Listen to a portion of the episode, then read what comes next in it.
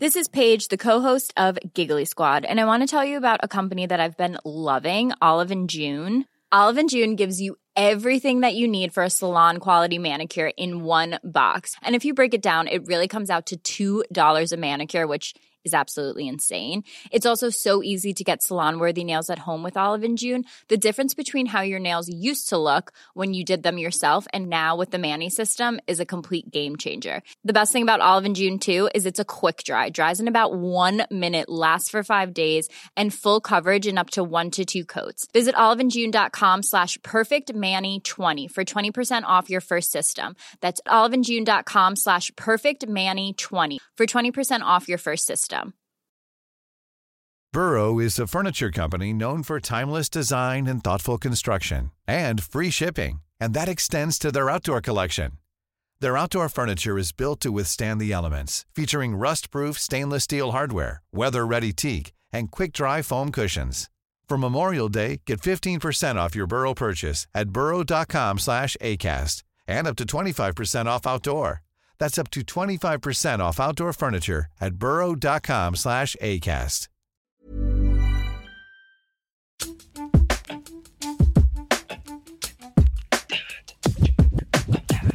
Du lyssnar på avsnitt 108 med mig, Britta Zackari och dig, Parisa Amiri, eller hur? Ja, det är jag och tillsammans så har vi podden där vi varje vecka går igenom det mest uppseendeväckande eller idiotiska eller trösterika som har hänt i kultur och nyhetsvärlden.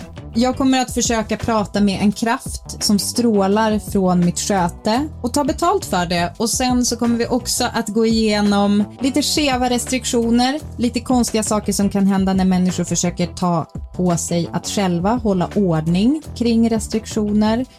Kanske, vad kallar du det för? Vradotage! Ja, Poddens första drev, hur vi alla ska försörja en nationalskatt och jag går vidare i mitt, min förundran för kändisars videohälsningar. välkomna! Välkomna! Eh, Britta, lever du i drevskräck? Jo, jag lever med den hela tiden. Alltså du vet ju att jag en gång har startat ett mot mig. Och du har en tendens att bara referera till det här i podden, men det är ändå ett år sedan. Jag tror att det kan tålas en liten recap. Nej, nej, nej, nej, jag tänkte inte ens på det. Jag tänker inte på det gamla vanliga, utan jag tänker ju på när jag råkade uttala mig om lite negativt om en män... Vänta. jag vet nu. Och jag, tycker, och jag tycker fortfarande att det var ett roligt skämt. För att jag råkade uttala mig när jag bloggade på Nöjesguiden om en människas klädstil. I negativa ordalag så sa jag att han såg polyamorös ut. Eh, och sen så var det en situation som följde efter det där jag fick det bekräftat. Alltså att det var lite polyamori som hände. Och då var drevet igång. Fast jag var ju redaktör då och vi pratade sinsemellan och jag var så här, men det kommer gå två dagar och sen kommer de här personerna ha annat att prata om. Men det var ju eh, personen som jag träffade, eller mötte i På spåret. Eh, hur gick det nu igen? Isabelle Hadley-Kamps och Kalle Lind. Kom inte, hur gick den matchen? Är det min bästa match i livet? Äh, släpp det! Hon i alla fall var ute och vevade hårt på Twitter och då var det din första Ja. tå ner i drevträsket kan man säga. Det var det. Och det, var har absolut. format dig, eller hur? Formativt drev. Ja, Ens första drev. men samtidigt, alltså du vet, vi har ju pratat om det där med för vi fick någon fråga till podden om vi tänker mycket på typ vad PK och så vidare. Mm. Och då så, eh, så pratade vi om det, att det finns ju en bra grej med det. Att man funderar ett extra varv och så här, ko- kommer jag liksom trampa på någon som redan ligger ner nu? Mm. Eh, I polyamorifallet trampa på någon som redan ligger med flera. Oh, där fick du till det. Den har marinerat i några år. eh, Ja. nej, alltså det kom nu. Men alltså inget ligger och marinerar i flera år för att jag har så jävla dåligt minne. Utom när drevet har satts igång mot mig. Men det här är ju så att the first drev eh, is the deepest, eller cuts the deepest. Lyckas jag med Ja.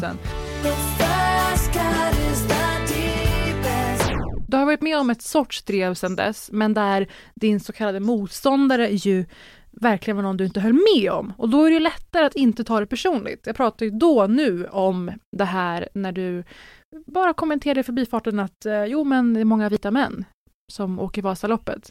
Då höll ju du verkligen inte med kan man gissa, eller hade, hade samma värdegrund som personerna som kom efter dig. Att man kanske inte blir lika fundersam, hmm, gjorde jag fel nu? Mm. Ja, det är sant. Förstår du vad jag far efter? Alltså, jag tycker Mm. att det råder inflation nu på vad som räknas som ett drev egentligen. Eh, som Vlad Reiser, vi snackade om honom förra veckan, att han rankade tjejer på en så kallad horskala Ja. på Youtube. Eh, han kan ju tycka att han har varit med om ett drev, tror du inte? ja, just det. Ja, helt säkert. Och sen det här med Dan Eliasson som åkte på det efter sin Grankan semester. Det är ju ett regelrätt drev Mm. kan man säga. När det piskas upp mer och mer och mer. Men jag undrar om allt det här, för jag undrar vad ditt utgångsläge är i stort och om du fick någon slags puls eller oro när jag smsade dig i lördags, lördag morgon. Eh, Nej men jag smsade dig en printscreen på sms från min kompis Madde. ja. Han blev typ arg. Vilken jävla stämning det blev, har hon skrivit. Jenny tog upp att ni pratat om honom. Förstod du bara på det vad det handlade om? Eh, jag trodde att det var någon som jobbade där, alltså typ någon på redaktionen. Så att sen så fattade jag att det faktiskt var live i TV. Alltså för Nyhetsmorgon i lördags, Jenny Strömstedt tog upp flyktigt med travsmakarmannen Per Skoglund, att vi nämnt honom i podden. Och jag smsar dig, för jag såg inte det här live, jag jobbade. Och jag smsar dig och då undrar man ju om du hann, för jag får alltid en första känsla som är, åh nej. Ja. att man är omnämnd i något stort riksmedium. För det kan ju verkligen resultera i vad fan som helst varenda gång. Mm. Och Parisa, får jag vara ärlig med att jag tycker att komiken blev typ ännu större. Har du sett hans min? Alltså jag har printscreenat hans min när hon nämner. Jag har printscreenat den. Det är, alltså, det är en gåva. En gåva. En humoristisk gåva från, antar jag, Per himself eller kanske Jenny Strömstedt. Jag frågar, du är ju uppmärksammad. Förlåt? Eh, Paris Amiri, eh, Britta Zackari har en podd. De ville liksom ha dig ätandes. Det var en lång diskussion om det. Ja, det är lite tråkigt för att man kan ju inte höra hur han, vilken min han gör. Men låt oss säga att det är ehm, den internationella tecknet för har svalt något väldigt starkt. Eh, stora ögon och liksom liten så här not bad mun fast absolut inte på ett bra sätt utan ja, den är, eh, det är, ja, det är ett meme känner jag. Men det märkligaste är att denna kränkthet han uppvisar uppstår fastän Jenny gav honom helt fel version Ja. av vad vi har Ja. sagt. Alltså vi är berövade på den riktiga reaktionen. Exakt vad jag tänkte säga. Ja, för att annars kanske drevet hade vevats igång. Eh, sen var det ju vissa som valde att ändå typ tycka synd om honom och så här, eh, ja, skriva på våran Instagram. Men det är det som är så otroligt att fastän Jenny förvanskade eller förmildrade eller verkligen helt och hållet hade missförstått och sa att vi vill ha honom ätandes så gav det ändå den här märkliga reaktionen. Mm. Tänk om hon hade sagt, sagt rakt ut att de är genuint äcklade av hur du för dig kring mat i TV. För bara nu är ju hans fans rosen rasande. En kvinna skrev in till oss. Älskar när Per Skoglund ska smaka maten. Höjdpunkten varje lördag. Fyra utropstecken. Jag har, och lyssna noga nu, till och med gått in på TV4 Play och spolat fram till det efteråt, om jag råkat missa. Nej. Det är ett hardcore-fan. Vad, vad har du för teori? Hobbyanalys? Ehm, får jag sä- säga att det är sexuellt? Exakt! För jag såg, jag kände det här, jag, såg, jag fick puls av att man förstår vad det handlar om. För framförallt är det många kvinnor som har hört av sig, enbart kvinnor, eh, att de älskar Per väldigt mycket. Mm. Det, jag tror att det är en, en böjelse, är det så man säger? Men vet du vad, alltså jag känner ändå så här att jag kan förstå det på något sätt. Alltså förstår du, på samma sätt som Mm. jag kan förstå att eh, folk är typ tokiga i Ryan Reynolds. Även om jag själv inte delar det så kan jag förstå det. Ja. Och det vi pratar om Mm. är ju just kanske företeelsen att så självklart ta en plats på ett sätt som Mm. eh, jag menar, det känns ju väldigt mycket som att du lyfter komiken i det och att han är liksom i vissa, eller i alla fall enligt dig, sa, sabbar upplevelsen. Eh, men på samma sätt som vissa blir äcklade av vissa saker så kan ju det vara någon annans kink. Mm. Exakt, kink. Det är vad det är. Eh, Jag tycker att det här är en ganska kittlande böjelse. Om jag ska vara lite självrannsakande så kände jag väl eh, så här Mm. att Ja men min automatiska grej som hände då är ju så här, sa jag något taskigt om honom om han nu har lyssnat på det här? Och då, Mm. det var ju som att jag var så här, ja han är så jävla entitled, han bara går in där och viftar och det skulle aldrig någon kvinna göra. Det står jag fast vid. Sen så tror inte jag nödvändigtvis att det är medvetet från hans sida. Alltså jag tror, han är ju bara som han är och eh, så här, jag, jag har inget, han verkar inte vara en ondskefull människa eller någonting sånt. Så att det kan väl vara Nej, det har vi nog inte Jo men och sagt. sen, nej. men och sen för man har ju också varit kanske ibland i änden av, hur ska jag säga det här? Alltså ibland har väl jag också varit någon person som någon liksom ska beskriva som, åh hon är så himla typiskt sånt här och det är ju alltid Mm. jobb, alltså det är ju jobbigt även om det inte är direkt elakt för att man liksom ehm, pu- eh, för att man pak- paketeras i en låda att så här, du, han är en sån här. Och det är klart att han tycker är tråkigt, så det är ju väldigt, alltså på något sätt skönt att han har en sån där hängiven fanclub som kan ge honom den kärlek som han säkerligen förtjänar. Eh, vi är inte fans, och så kan det väl vara. Nej men, och jag, alltså min enda poäng var verkligen, och det är väl som du säger, man är olika känslig för olika saker. Jag personligen, för att folk smaskar och stönar och gränslöst njuter sådär, eh, upplever jag som lite, lite obehagligt. Och det jag försöker komma till med den här böjelsepratan är, vi nämnde ju Melissa McCarthy Ja. förra veckan, du nämnde i eh, snacket om Sex and the City-ersättare. Vem ska rädda Sex Och- and the City reboot? Ja. Och hennes karaktär i Bridesmaids har ju ett mack-sex med sin man. Just det. Eh, drar in en otroligt lång Subway, heter det va? Macka, eh, i sovrummet. Och idkar både macka och kille. Där vill vi Och jag tror att det här jag tror att det här rör sig om samma spektrum i alla fall. Det är en väldigt harmlös böjelse, Mm. inget farligt eller fel med det. Men det är lite, som, lite, lite som att tända på staket. Och jag tycker att folk ska acceptera och omfamna det Nej, om men- sig själva. Att det är liksom härligt att ni kör. Finns det folk som tänder på Men staket? det är vad det är. Ja, va? Ja! Men alltså jag måste säga en grej om det där, alltså så här. Jag, om, jag vet inte om jag är skyldig att ge Per den här presenten, men jag kan tänka mig att han är liksom ett ganska bra ligg just av den anledningen att han är så jävla njutnings... Alltså, vänta, förlåt. Jag kan tänka Alltså, nu gick det här så långt. Jag, jag, jag mår dåligt. Nu kom, Där kom det. där kom den. Ja. Mm. Det som är tråkigt med den här typen av saker, det hade ju varit om han nu går från den grejen till att då inte vara lika utlevande. Alltså om vi på något sätt hade hämmat honom. Att vi hade skapat en drevskräck hos Per. Men vet du vad? Per står över det. Så han körde ju på, mumsade på precis som vanligt i samma avsnitt. Lite såna delade chanser runt vi fick i skolan. Så det här är årets eh, skrejanrättning. Åh, Och Men Per har ju, per har ju inte ens nåtts av faktumet att jag personligen har svårt för det där. Nej. Utan Jenny sa till honom att vi vill ha honom där ätande. Så han är ju mer övertygad än någonsin om sin storhet. Ja. Och vilken underbar tillvaro Per! Alltså från entitled till entitled plus.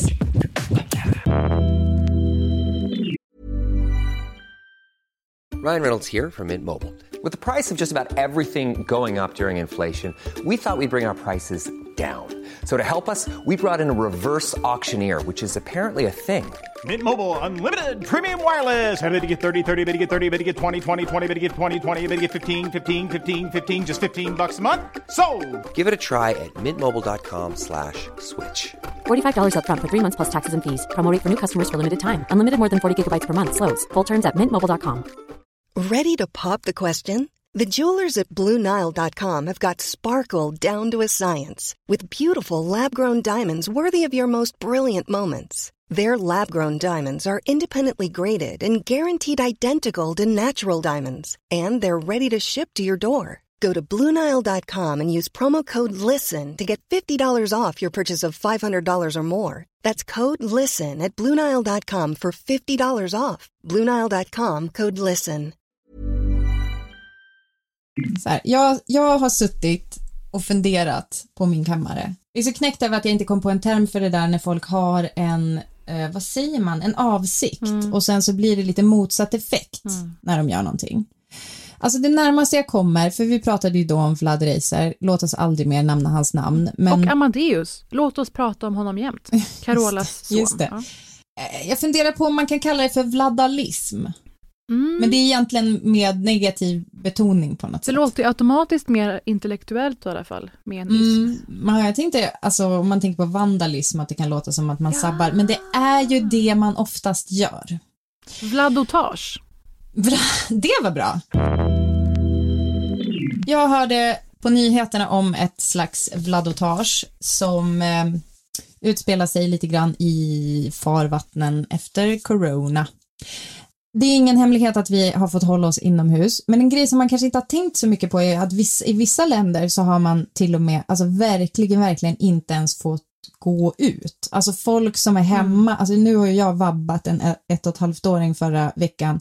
Hade jag inte fått gå ut, alltså då hade jag inte haft min mentala hälsa och det är ju, det är ju bara en vecka. Folk har ju suttit med sina tvååringar klättrandes på väggarna. I Spanien hörde jag något reportage om någon som hade ja, verkligen suttit inne i typ som i husarrest med sina barn. Jag tror att man f- fick bara röra sig så här 300 meter från hemmet och så fanns det ingen park prick just där så du får sitta i din lägenhet Helt i ett halvår. Alltså bland de värst drabbade länderna i världen, Storbritannien. Ja. Eh, och där har de ju en timme om dagen att dela upp antingen till motion eller till att handla mat och supplies. Jävlar. Och det är ju höga böter och sånt om man Precis. överskrider. Precis. Ett helt annat eh, liv verkligen. Och vad händer då om man gör det här psykologiska experimentet med fotbollshuligan, nej förlåt, jag menar fotbollsfans. Ska vi ta en liten resa till Holland, Parisa? Närmare bestämt trakterna runt Eindhoven.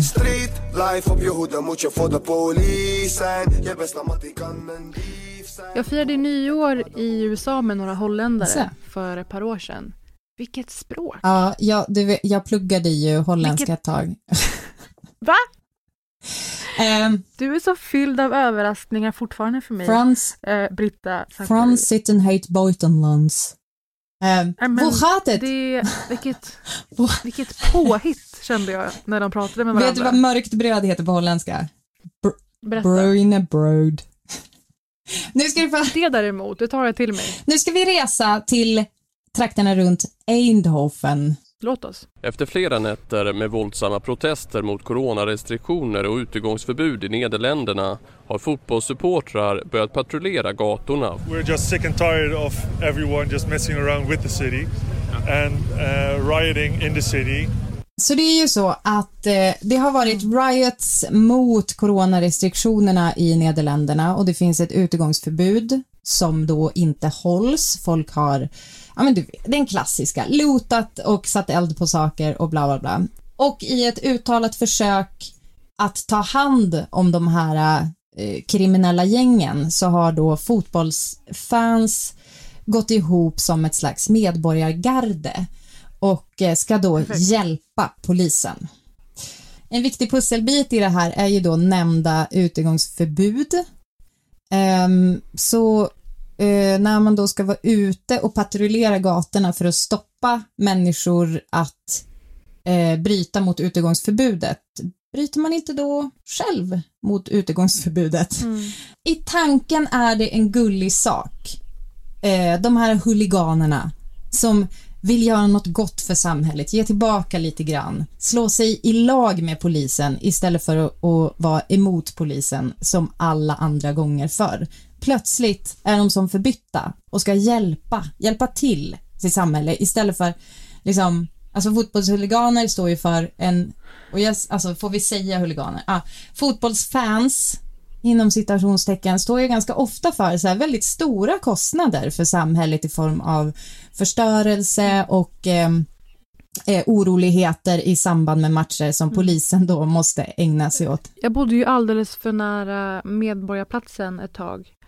Ehm, och det var ju katastrof varenda gång det skulle patrulleras mot någon match och folk tog över hela stan och lämnade total ödeläggelse efter sig, men också eh, fulla, våldsamma, hotfulla, skrek efter en. Det var antingen hora, fitta, svartskalle eller alltså fast för att man liksom opponerar sig mot att någon står och kissar mot en vägg precis bredvid en. Ja. Eh, det är någonting som folk verkar tycka är värt kostnaden på något sätt. Att det här måste få sig ett utlopp. Nej, men det är verkligen, jag tycker att det är typ den sjukaste kulturen vi har i samhället som vi ändå på något sätt liksom hjälps åt att upprätthålla. Alltså det är som inte riktigt den Mm. typen av kamp mot det som det skulle kunna göra. Och jag har pratat med ganska många um, före detta Eh, vad ska vi säga? Ja, då kan man väl säga huliganer, alltså när det är så här uttalat att det handlar om våld och sånt där. Att, eh, alltså du vet allt ifrån att ses, eh, alltså bestämma träff och ses och göra upp liksom, eh, alltså i slagsmål. Eh, och att det finns eh, liksom en kick med det, att det finns en, alltså det är någon pulshöjande aktivitet som inte utspelar sig på gym om man säger så. Eh, Mm. Vilket ju för mig är väldigt märkligt. Men då ska de här människorna då alltså bara helt plötsligt byta bana och hjälpa polisen istället genom att ta hand om de här eh, riotsen i Amsterdam också och Eindhoven. Jag tror också att det har varit i Rotterdam. Vissa tycker att det här är fint.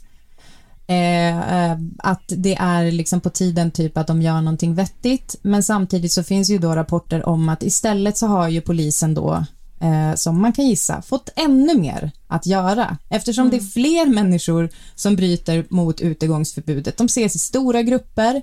Eh, de ehm, ja, så här, är ute på stan. Det är ganska svårt för polisen att veta vilka som är vilka. Eh, och framför allt så vill man ju helst bara att alla ska hålla sig fucking hemma. En underfråga till det här är att det spreds rykten på al- alternativsajter och sånt att det var eh, flyktingar och invandrare som stod för upploppen. Precis. Så att det är ju en sans of Odin aspekt i det här medborgargardetanken som du är ute efter att de kanske inte hade gått ut och, och liksom, som de säger patrullerat om det inte vore för att de kände att det här är ett godtagbart eh, mål för dem att gå ut och slå ner. Eh, sen har ju det här debankats fullständigt av polis och politiker Mm. att det inte alls har varit eh, det. Men du lever snabb mytbildning på det, Precis. vilket är ju talande. Nej, men det är intressant att du lyfter den aspekten, för det är ju ingenting som någon officiell eh, liksom, nyhetsbyrå har rapporterat om, men det är ju sånt där som händer med ryktesspridning och så vidare och det är ju en hela vad ska vi säga, hela stilen, hela tonaliteten osar ju väldigt mycket extremhöger och eh, har ju inte få paralleller till typ Proud Boys. Eh, så att det är ju någonting när det helt plötsligt för vissa som tidigare inte kanske har varit särskilt laglydiga helt plötsligt blir jätteviktigt rädda samhället och stå upp för polisen. Då är det oftast någonting skumt och det är oftast eh, en svag doft av brun klick inblandat. Det är så jävla roligt, alltså apropå bara för att skjuta ner dem lite grann. Jag har hittat ett citat från en eh, lokal nyhetsstation där en talesman för polisen, eller taleskvinna, har sagt att the offer to patrol was a kind thought and a valued one, but no more than that. Du och säkert många fler har hört om GameStop, Reddit, Wall Street, Mayhemen. Alltså nej. Triangle of Mayhem. Alltså nej. Nej, nej, nej. Okej, eh, jag älskar ju överlag när folk eh, sticker to the man, men i det här fallet går in i det så grumliga som är Wall Street, finansmarknaden, börsen. Eh, det här har ju blivit många bra tv-serier, till exempel Succession vi har snackat om, Industry på eh, HBO som är en mellanting mellan, mellan Succession och Girls som jag har tipsat om tidigare. Eh, Alltså in i den hemliga finansvärlden. Spekulationspengar som flyger till höger och vänster och eh, det kommer en finanskrasch. Är det någon av dem som ställs till rätta? Är det någon av dem som blir av med sina hus? Nej, sällan. De spekulerar med gemene mans pengar och jobb och livsvillkor och eh, kommer oftast undan. Förra veckan så var det väldigt många som mobiliserade sig på Reddit. Man genomskådade en strategi som pågick där en hedgefond försökte tjäna massa, massa pengar på att fula sig kring GameStop-aktier. Alltså den här nu rätt, eh, ja men lite smådaterade eh, spelkedjan. Och det här ledde ju till att den här hedgefonden blev av med jättemycket pengar och blev superledsna. John Stewart, som vi har nämnt många gånger, eh, otroligt roliga komikern, programledaren och så vidare som vi saknar. Han skaffade Twitter bara för det här, för den här diskussionen som pågår. Och hans kommentar var “This is bullshit. The redditors aren't cheating. They're joining a party Wall Street insiders have been enjoying for years. Don't shut them down. Maybe sue them for copyright infringement instead.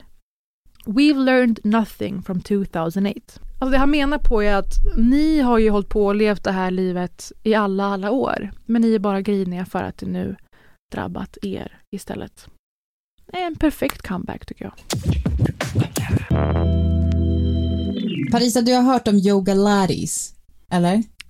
Svar nej. Ja, men det är Eller typ jo, som... det är klart jag har hört att det är någon slags eh, hybrid. Ja, exakt. Och sen, det, alltså det finns ju en massa sådana där trendiga träningsformer. Eh, jag testade ju Leckfit, som Busy Phillips är ett stort fan, och kanske världens enda av. Eh, men jag skulle vilja höra om du har hört om nya militärkupps aerobics. Ja, men, och då Capital-inspirerat? Nej, inte Något riktigt. högerextremt bootcamp låter det som. Eh, ja, inte helt fel. Eh, Tränare i form med statskupp. Det är eh, LA Times skriver om King Ninwai som har gjort ett antal träningsvideos eh, i Myanmar och eh, det senaste dygnet så fångades ju en grej i bakgrunden av hennes träningsvideo eh, lite med oflit. Eh, jag kan läsa vad de skriver. In a post that since gone viral, King Ninwai is seen diving into one of her exercise routines as a convoy of black military vehicles speeds past her toward the seat of power for the country, also known as Burma. The teacher doesn't seem to notice the commotion, and it's unclear if the sirens heard belong to her dance music or the convoy. Så det här är alltså eh, liksom kuppen som, militärkuppen som nu har varit i Myanmar har blivit fångad då i eh, bakgrunden av en typ eh, träningsinfluencers video. Alltså det är typ ett finns det något mer 2021 än. Samtidigt som militärkupp händer i bakgrunden så är det aerobics video i förgrunden. Det sämsta av två världar, kan jag få säga så? Eh, Jag lyssnade lite på förra veckans avsnitt och jag insåg att jag missade någonting jag hade velat fråga dig kring det här med videohälsningar och kändisar. Okej? Är du med? Ja. Vad skulle du egentligen ta per videohälsning? Det är liksom den ultimata etiketten eller värdet. Alltså jag har ju hört någon gång att Erik Sade, Erik Sade, eh, hade Mm. tagit 1200 för att så här, heja på folk. Alltså man kunde få köpa en konsertbiljett och sen var det typ 1200 kronor extra för att gå och så här, heja och hänga på, med honom backstage. Meet and greet. Mm, en meet and greet, förlåt. Wow. En klassisk meet and greet. Det är Ehm, Mariah Carey och så är det Erik Sade Mm. som har sådana i artistvärlden. Mm. Men det eh, tycker jag inte räcker. Är det där du ligger eller vadå? Nej det räcker inte. Nej men alltså, eh, vänta, får jag bara fråga då? Eh, Är det då, vad ingår? Alltså är det bara att jag ska filma en och skicka iväg? Är det som den där tjänsten vi pratade om som heter någonting? Ja, den heter Memmo. Den Ja. här både ökända och eh, tydligen väldigt populära tjänsten Mm. som vi inte gör reklam för just nu utan vi småhånar där olika kändisar säljer då videohälsningar med grattis eller med vad det kan vara. Eh, och det verkar vara liksom två, tre minuter långt. Sådär. Ja. Men eh, jag vet ju folk som, ska säga tråkigt svar. Alltså för mig, för mig, han, summa. För mig handlar men jag har ju gjort det gratis flera gånger. Ja men okej, om du skulle gå med i det här, vad Ja. skulle du ta? Då skulle jag ta eh...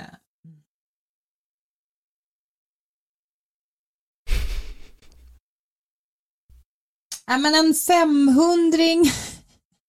Ja, det är starkt. Det är intressant. För nu ska Alltså, du få jag höra. Ja men nu har du sagt 500, nu kör vi på det. Eh, för jag var inne på det kort förra veckan.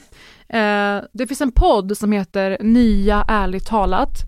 Och eh, en av dem var med och klippte det här programmet Kvartssamtalet. Som jag gjorde. Mm. Så det är så jag vet. Bylander heter han. Eh, väldigt rolig. Det var han som kom på det här Citygross-skämtet med Bianca Ingrosso i det avsnittet. Eh, det var väl det, det var ett skämt om att hon gör så mycket sponssamarbeten. Att hon skulle göra en deal med dem, att hon skulle heta Bianca Citygrosso. det bästa var ju bara att hon inte visste vad Citygross var. Alls. Dubbelkul. Vet du vad jag inte har repat mig från Nej. från den stunden? Att Biancas svar var, är det för att jag är för ung? Ja, det är ganska... Att hon inte ser mig som en jämnårig. Ja. ja, det är knäckande. Men För hon är, hur, hur mycket yngre tror du hon är än mig? två år. Fyra år, men ändå. Ja. Men alltså det där är ju talande för en generation, tror jag.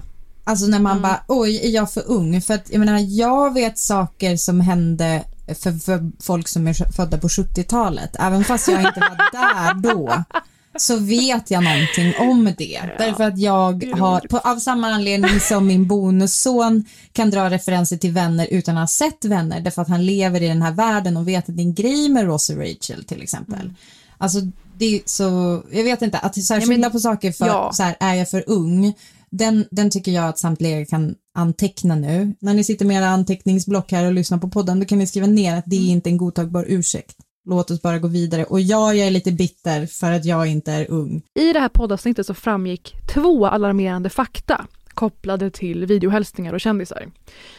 Eh, Den ena personen är den vi brukar säga att du representerar i vår podcastduo. Okej? Du är poddens ex. Vilken kändis syftar jag på? Jennifer Lopez. Eh, en eloge till din självkänsla. Eh, eh, Britney Spears. Men Eh, det här är John alltså för det Legend. första någon som... Jag är, poddens, lugnt. jag är poddens John Legend. För det första så kan du räkna ut att det är någon som finns på den svenska tjänsten Memo. Och så inte Jennifer Lopez då, med andra ord. Men vad menar du att jag är som någon annan kändis som finns på Memo? Du har själv sagt att du är poddens mhm. Regina. Lund. Där har vi det! Ja! Ja! Sex positiva! Eh, ja, andlig-ish. Hur mycket tror du hon tar för en videohälsning? Oh! 1750 kronor ex moms. Vad får du att tro att det är så här mycket? Eh, en slags timtaxa tror jag. jag räknar så här, när jag, var, eh, när jag jobbade på reklambyrå, då tog de 1600 kronor för mig i timmen. Alltså jag fick ju inte de pengarna, Mm. utan reklambyrån fakturerade.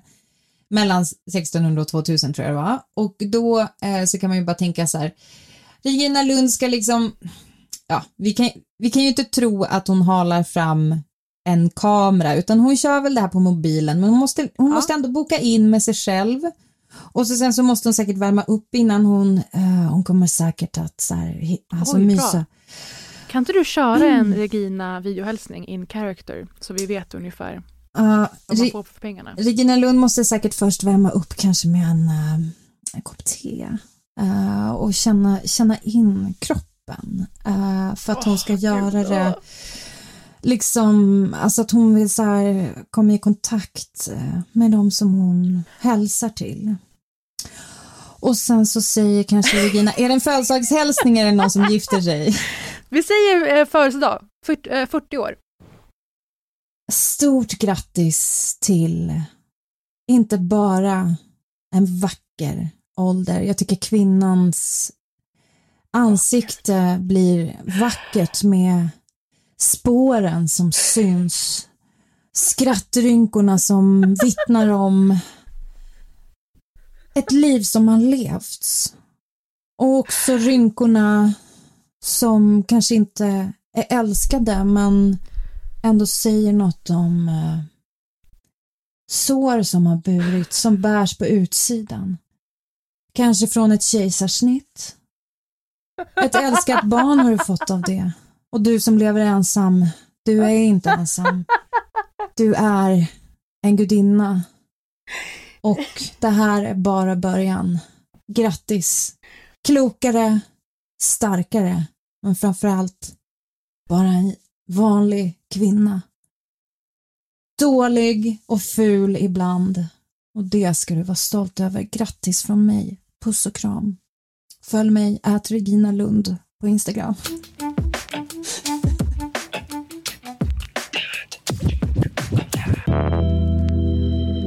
Okej Britta, du var så rätt på det. Hon tar alltså 1000 kronor. 1000. Ah. Och det här måste folk tycka är legitimt just för det du visade på nu, att det, man vet inte vad man får. Hon är så, ett sånt wildcard att det kommer leverera på något sätt. Ja, verkligen. Jag blev ganska illa berörd när i den här podden, som jag nyss nämnde, Nya ärligt talat, det andra jag lärde mig om videohälsningar.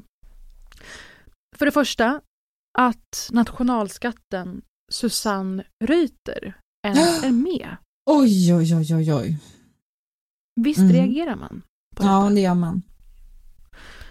Och sen måste jag fråga dig, vad tror du hon tar per hälsning, Susanne?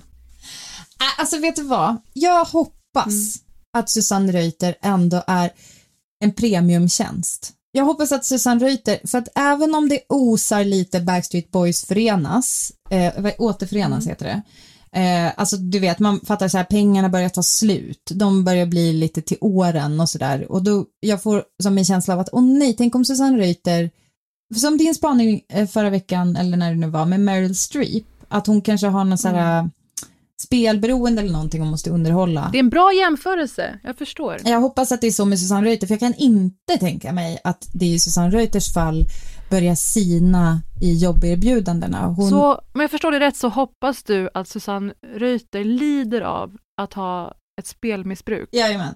Eller, det är best eller, case scenario. eller kanske att hon sitter och så här nätshoppar på nätterna. Gud, jag läste nyss att det var någon så här, något förslag som KD hade om att frysa eh, så här, eh, alltså såna här låneappar på nätterna, alltså snabblån. Och vet du vad, det är typ det enda vettiga KD har sagt på år och dagar. Det kan jag ge dem. Hur mycket tar Susanne Reuter nu då? Susanne Reuter, jag hoppas att du är en premiumtjänst och ser ditt eget värde och tar 3 och 5 minst. Wow! Eh, för det första, ta bort en nolla. Nej! Vad är du på då? 350, inte dum. Lägg till 50 kronor. En fyra-hunka. 400 kronor Det är för en taget. personlig videohälsning Taget. från självaste Susanne Reuter. Då ska vi se. De spelar upp en liten videohälsning i den här podden. Så här lät det. Susanne Reuter här som skickar en grattishälsning till dig genom din kompis Joel som tycker det är så härligt att du har fyllt 40. Du börjar det goa livet. Var rädd om dig. Ha det bra! Nej, men jag kände att Susanne Reuter ska inte behöva hälsa till någon Joel att det är så härligt att han har fyllt 4-0 för 400 kronor. Jag orkar inte det, jag står inte ut faktiskt. Men vad vill du att Susanne Reuter ska betala sin hyra med? Vill du att hon ska betala hyran med sitt höga anseende? Det går inte Parisa. Nej, du, jag vet eh, om, om någon. Men i alla fall, jag blev då så fruktansvärt lättad när ett jobb inte gick till David Sundin för en gångs skull. Vad är det för masspsykos? Alltså vi älskar ju David Sundin, Vi men vi kan David. ändå känna att, vet du vad David Sundin? nu kan du lugna dig. Vet du vad? Nu ska jag säga som det är Parisa. Alla älskar inte David Sundins framgångar. David Sundin, Jag- vi, som har, vi som har vissa barn till vilka David Sundin är gudfar, skulle jag vilja säga, det är inte enbart positivt med hans framgångar. Det tar, det tar tid från nära och kära. Ah, David Sundin gjorde ett kort, kort inhopp eh, i vår familj. Eh, jag tror det var förra sommaren vi sist såg honom. Sen Mm. dess har det bara rullat på. Nej, för han har bara fakturerat varenda dag. Istället för att träffa sin älskade gudson Mm. Glenn så har han fakturerat hårt varenda dag. Eh, vet du vad, kort innan jag går in på det här. David Sundin, att han har blivit en barnfavorit har helt gått förbi mig. Ja. Ehm, var på middag förra veckan och min kompis son frågade mig om jag känner David Sundin. Han har sett mig på tv och gjort ekvationen. Hon kanske känner David Sundin. Ja. Det här är en fråga som för tio år sedan som jag fick från killar på Rish som ville utnyttja mig för dels min kropp antagligen och som tillgång till den coola reklamkillen David Sundin. Eller hur? Det är Mm. den han var i våra liv.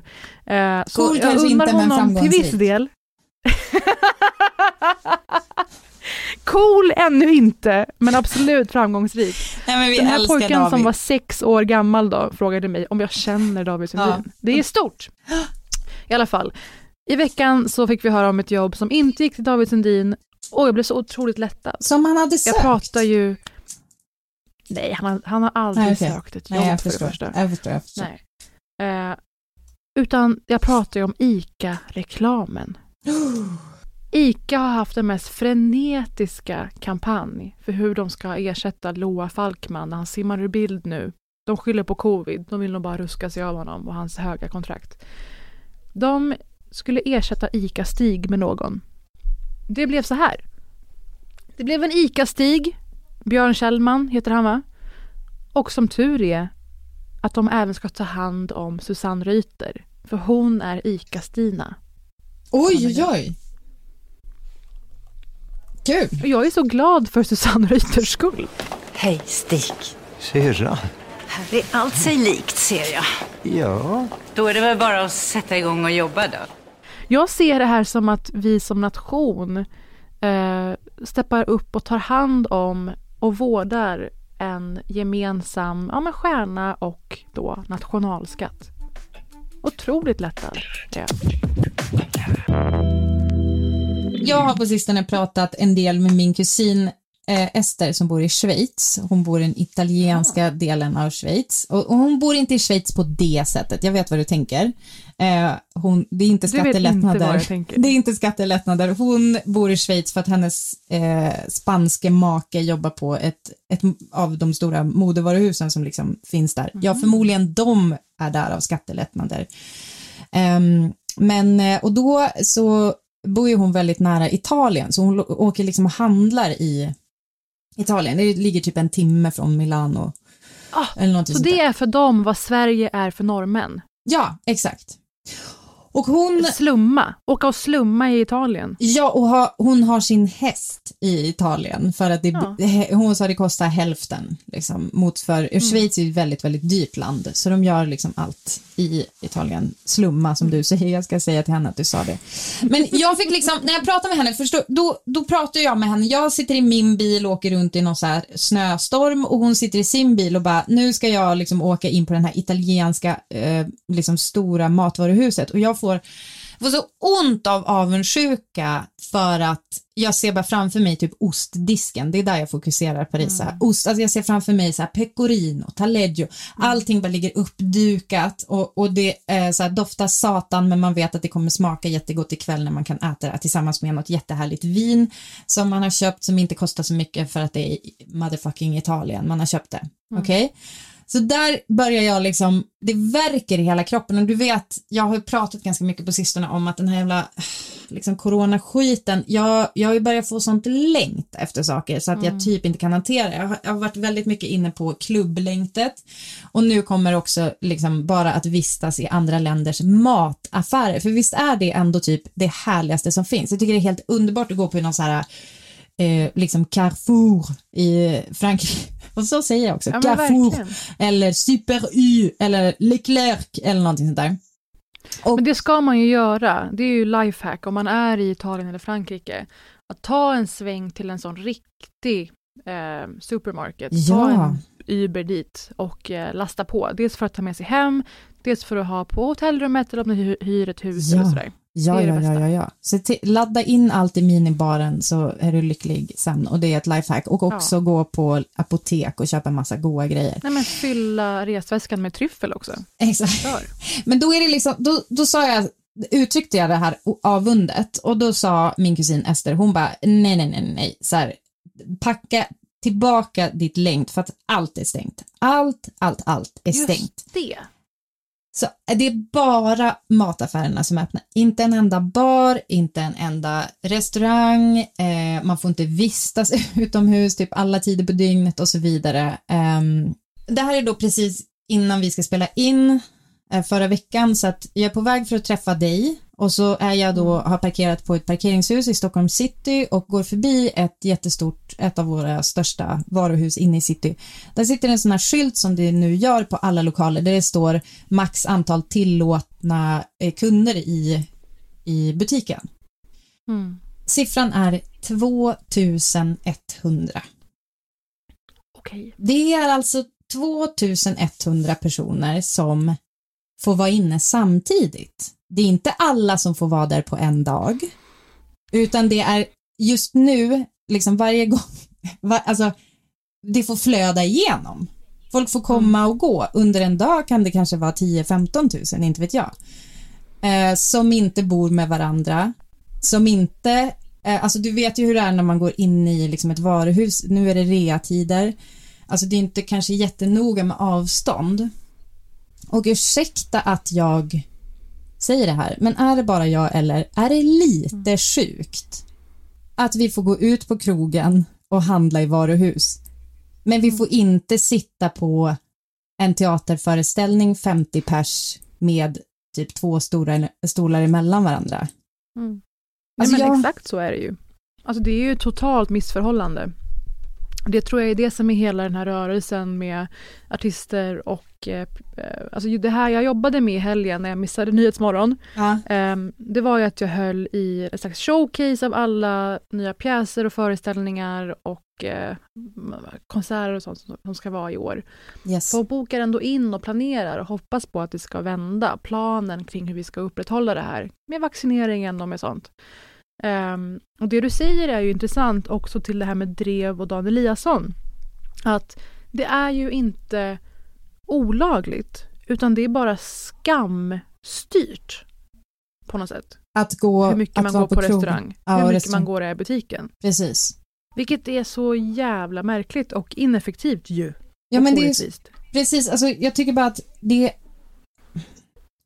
Alltså förstå, förstå missförstå mig rätt eller vad jag ska säga. Så här, jag fattar att det här är, man bara kommer hon nu och har upptäckt att det finns restriktioner som slår lite snett? Alltså det är inte det. Så här, jag vet, jag vet, jag vet att det här är liksom inte första gången ni hör det här. Men samtidigt så är det liksom bara, vi, vi har liksom, samtidigt så är det så jag undrar hur det har sett ut när man har gjort det här urvalet, när man har gjort valet att 2100 pers får vara i samma jävla varuhus i Stockholm city. Så här, Och man det får är ju inte tio personer, alltså man ska, varje person ska väl ha 10 kvadrat. Jo, jo, Det men tror jag blev regeln. Eh, och så har de räknat ut att så här många kvadrat har vi, kör. Ja. Och sen är det ingenting kring hur många i respektive butik eller som du säger tid på dygnet och sådär. Eh, och jag tror problemet är att man, jag tror det som jag, jag följer många krögare, typ Mm. Thea Malmengård som har det här otroliga Doma. Det första ni ska göra när det öppnar upp är att gå och äta där.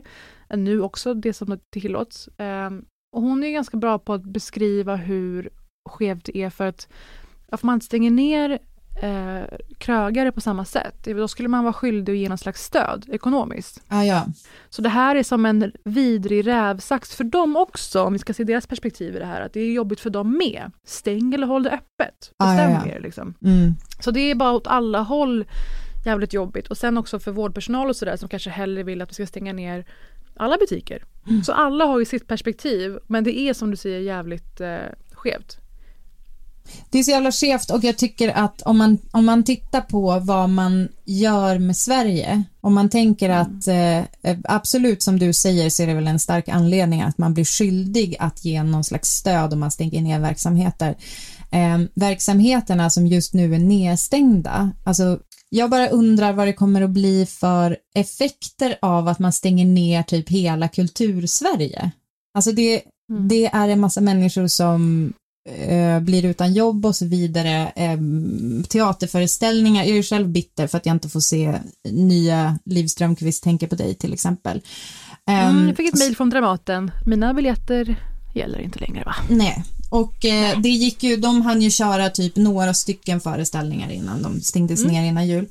Ehm, för en publik då på 50 pers och det var jättesäkert och bla bla bla men helt plötsligt så funkade det då tydligen inte längre.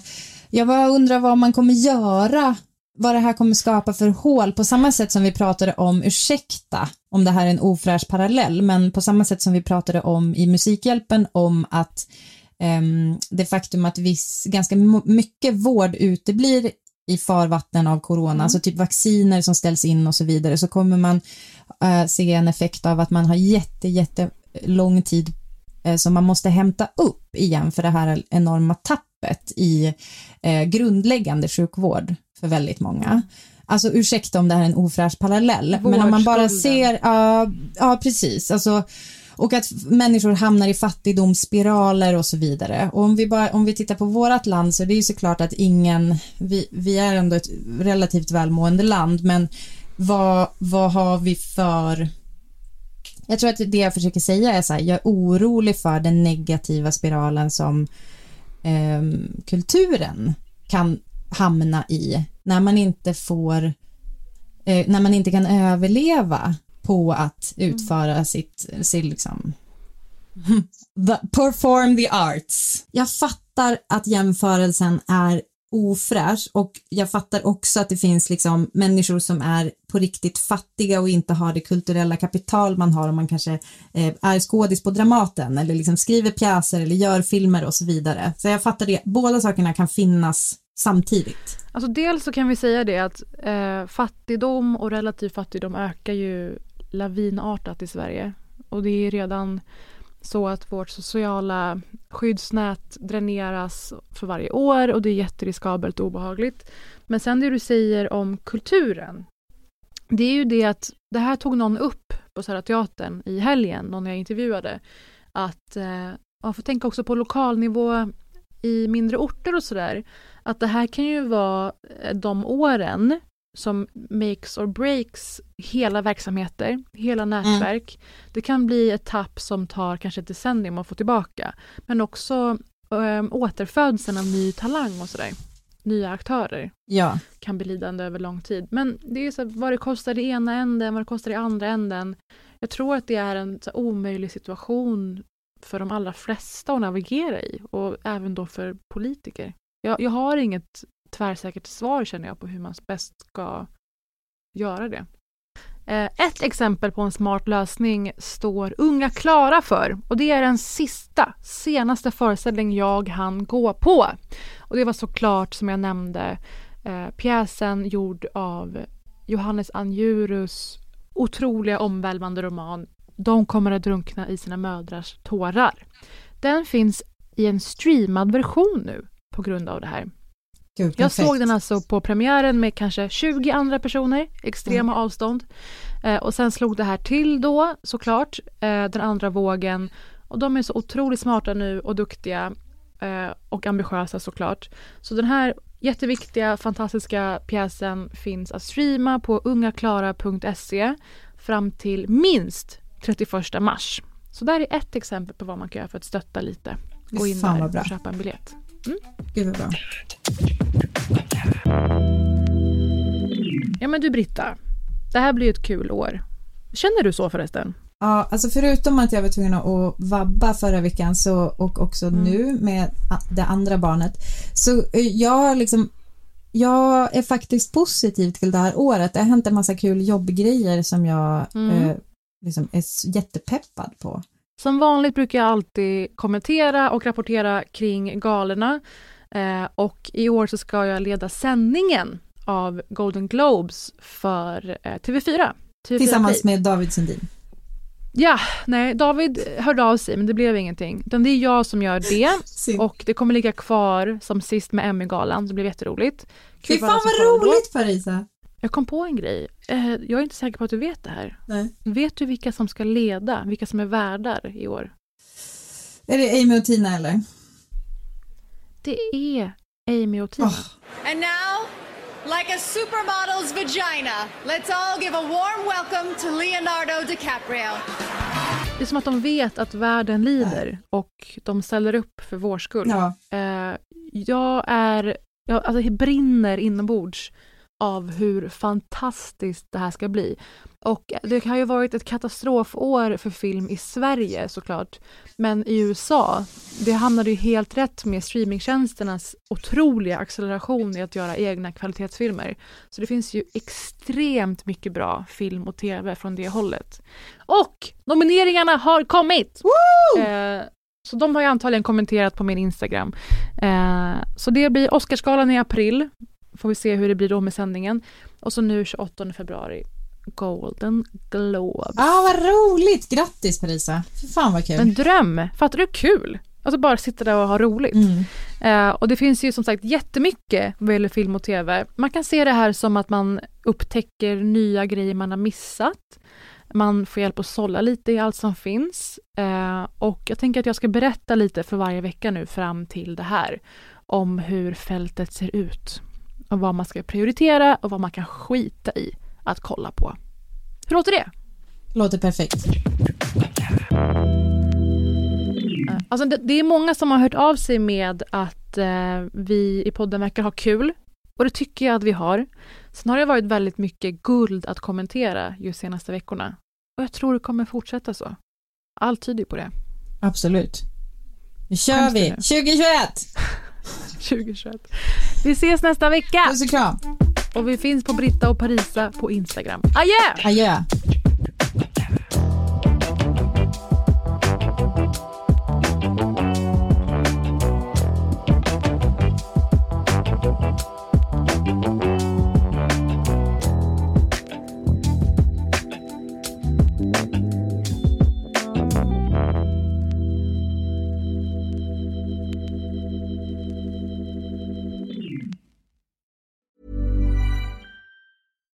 Here's a cool fact a crocodile can't stick out its tongue. Another cool fact you can get short term health insurance for a month or just under a year in some states. United Healthcare short term insurance plans are designed for people who are between jobs, coming off their parents' plan, or turning a side hustle into a full time gig. Underwritten by Golden Rule Insurance Company, they offer flexible, budget friendly coverage with access to a nationwide network of doctors and hospitals. Get more cool facts about United Healthcare short term plans at uh1.com. Hey, it's Paige DeSorbo from Giggly Squad. High quality fashion without the price tag. Say hello to Quince. I'm snagging high-end essentials like cozy cashmere sweaters, sleek leather jackets, fine jewelry, and so much more. With Quince being 50 to 80% less than similar brands.